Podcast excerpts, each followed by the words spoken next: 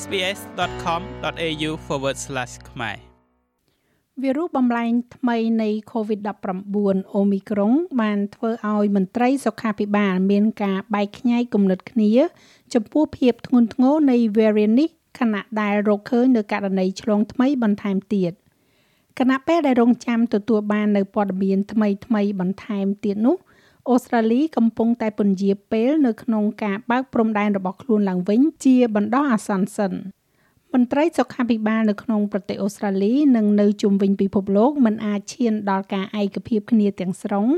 លើស្ថានភាពធ្ងន់ធ្ងរនៃ variant Omicron នៃ COVID-19 នេះបាននោះទេថ្នាក់ដឹកនាំថ្នាក់រដ្ឋដែនដីនិងសហព័ន្ធបានជួបប្រជុំគ្នានៅថ្ងៃទី30ខែធ្នូនេះនៅខុទ្ទកាល័យជាតិ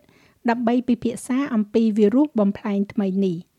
រដ្ឋាភិបាលសហព័ន្ធកំពុងតែពន្យាពេលការបើកឡើងវិញនៅព្រំដែនរបស់ខ្លួន ចំពោះនិស្សិតអន្តរជាតិនិងជនចំណាក់ស្រុកដោយសារស្ថានភាពកំពុងតែបន្ត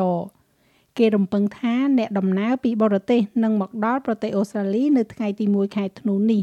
រួមទាំងការបើកច្រកធ្វើដំណើរពិសេសជាមួយនឹងប្រទេសជប៉ុននិងកូរ៉េខាងត្បូងផងដែរ ប៉ុន្តែការបរិច្ឆេទនោះនឹងត្រូវបានរុញទៅថ្ងៃទី15ខែធ្នូវិញលោកនាយករដ្ឋមន្ត្រី Scott Morrison មានប្រសាសន៍ថាវិធានការនេះនឹងផ្ដល់ឱកាសដល់អូស្ត្រាលីដើម្បីស្វែងយល់បន្ថែមអំពី variant នេះ This is just about a permanent and temporary pause. នេះគ្រាន់តែជាការផ្អាកប្រកបដោយការប្រុងប្រយ័ត្ននិងជាបណ្ដោះអាសន្នប៉ុណ្ណោះ យើងសង្ឃឹមថាតាមការរំពឹងទុករបស់យើងអូមីក្រុងនេះនឹងបង្ហាញឲ្យឃើញនៅទម្រង់គ្រោះថ្នាក់មធ្យមនៃមេរោគនេះ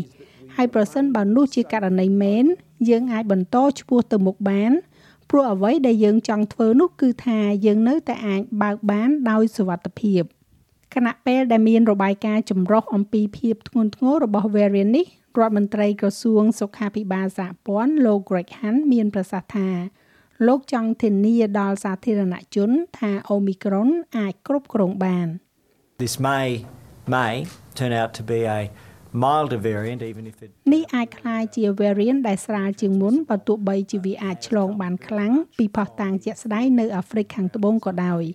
ដូច្នេះយើងសូមទទួលស្គាល់ការប្រឹងប្រែងរបស់ពួកគេ យើងទទួលស្គាល់ថាវាជាពេលវេលាដ៏លំបាកសម្រាប់ពួកគេ ប៉ុន្តែអ្នករាល់គ្នាកំពុងធ្វើការជាមួយគ្នា ហើយអូស្ត្រាលីបានដោះស្រាយបញ្ហាប្រឈមយើងបានត្រៀមខ្លួនរួចជាស្រេចសម្រាប់បញ្ហានេះយើងអាចដោះស្រាយបញ្ហានេះហើយយើងចង់ផ្ដល់ទំនុកចិត្តដល់ប្រជាជនអូស្ត្រាលីប្រធានមន្ត្រីសុខាភិបាលលោក Paul Kelly មានប្រសាសន៍ផងដែរថាយើងមិនអាចទប់វាមិនឲ្យចូលមកក្នុងប្រទេសនេះបានរហូតនោះទេ We cannot keep this Omicron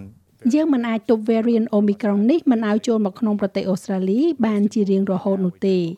នៅទីបំផុតវានឹងនៅទីនេះសំខាន់បំផុតឥឡូវនេះយើងធ្វើនៅអ្វីដែលយើងអាចធ្វើបានដើម្បីបន្ថយការនាំមកទាំងនោះ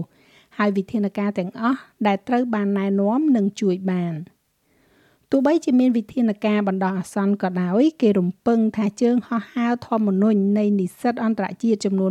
250នាក់ នឹងមកដល់ទីក្រុងស៊ីដនីនៅសប្តាហ៍ក្រោយគឺនៅថ្ងៃទី6ខែធ្នូរ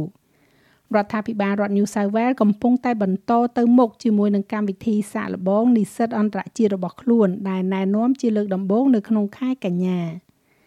សិស្សនិស្សិតនឹងត្រូវគោរពតាមវិធានការដាក់ឲ្យនៅដាច់ដោយឡែកពីគេយ៉ាងតឹងរឹងហើយគ្មានប្រជាជនដែលមិនមែនជាពលរដ្ឋអូស្ត្រាលីណាម្នាក់មកពីប្រទេសចំនួន8 នៅអាហ្វ្រិកខាងត្បូងដែលមានការព្រួយបារម្ភនឹងត្រូវបានអនុញ្ញាតឲ្យចូលមកក្នុងប្រទេសអូស្ត្រាលីឡើយ។ទន្ទឹមនឹងនេះអាជ្ញាធរសុខាភិបាលកំពុងតែតាមដានលើការបំលាស់ទីរបស់ករណីទី5នៃ variant Omicron ដែលត្រូវបានរកឃើញនៅក្នុងរដ្ឋ New South Wales វានាំឲ្យចំនួនសរុបនៃការឆ្លងផ្សារភ្ជាប់ទៅនឹង variant នេះឡើងដល់6ករណីហើយដែលមួយនៅដែនដីភាគខាងជើង កំពុងតែធ្វើចតាឡេសា និង5នៅរដ្ឋ New South Wales ដែលក្នុងនោះ4កំពុងធ្វើចតាឡេសានិងបុគ្គលទី5នៃរដ្ឋ New South Wales នោះបានស្ថិតនៅក្នុងសហគមន៍គឺជាស្ត្រីដែលមានអាយុ30ឆ្នាំប្លាយដែលបានមកដល់ទីក្រុងស៊ីដនីនៅថ្ងៃទី27ខែវិច្ឆិកា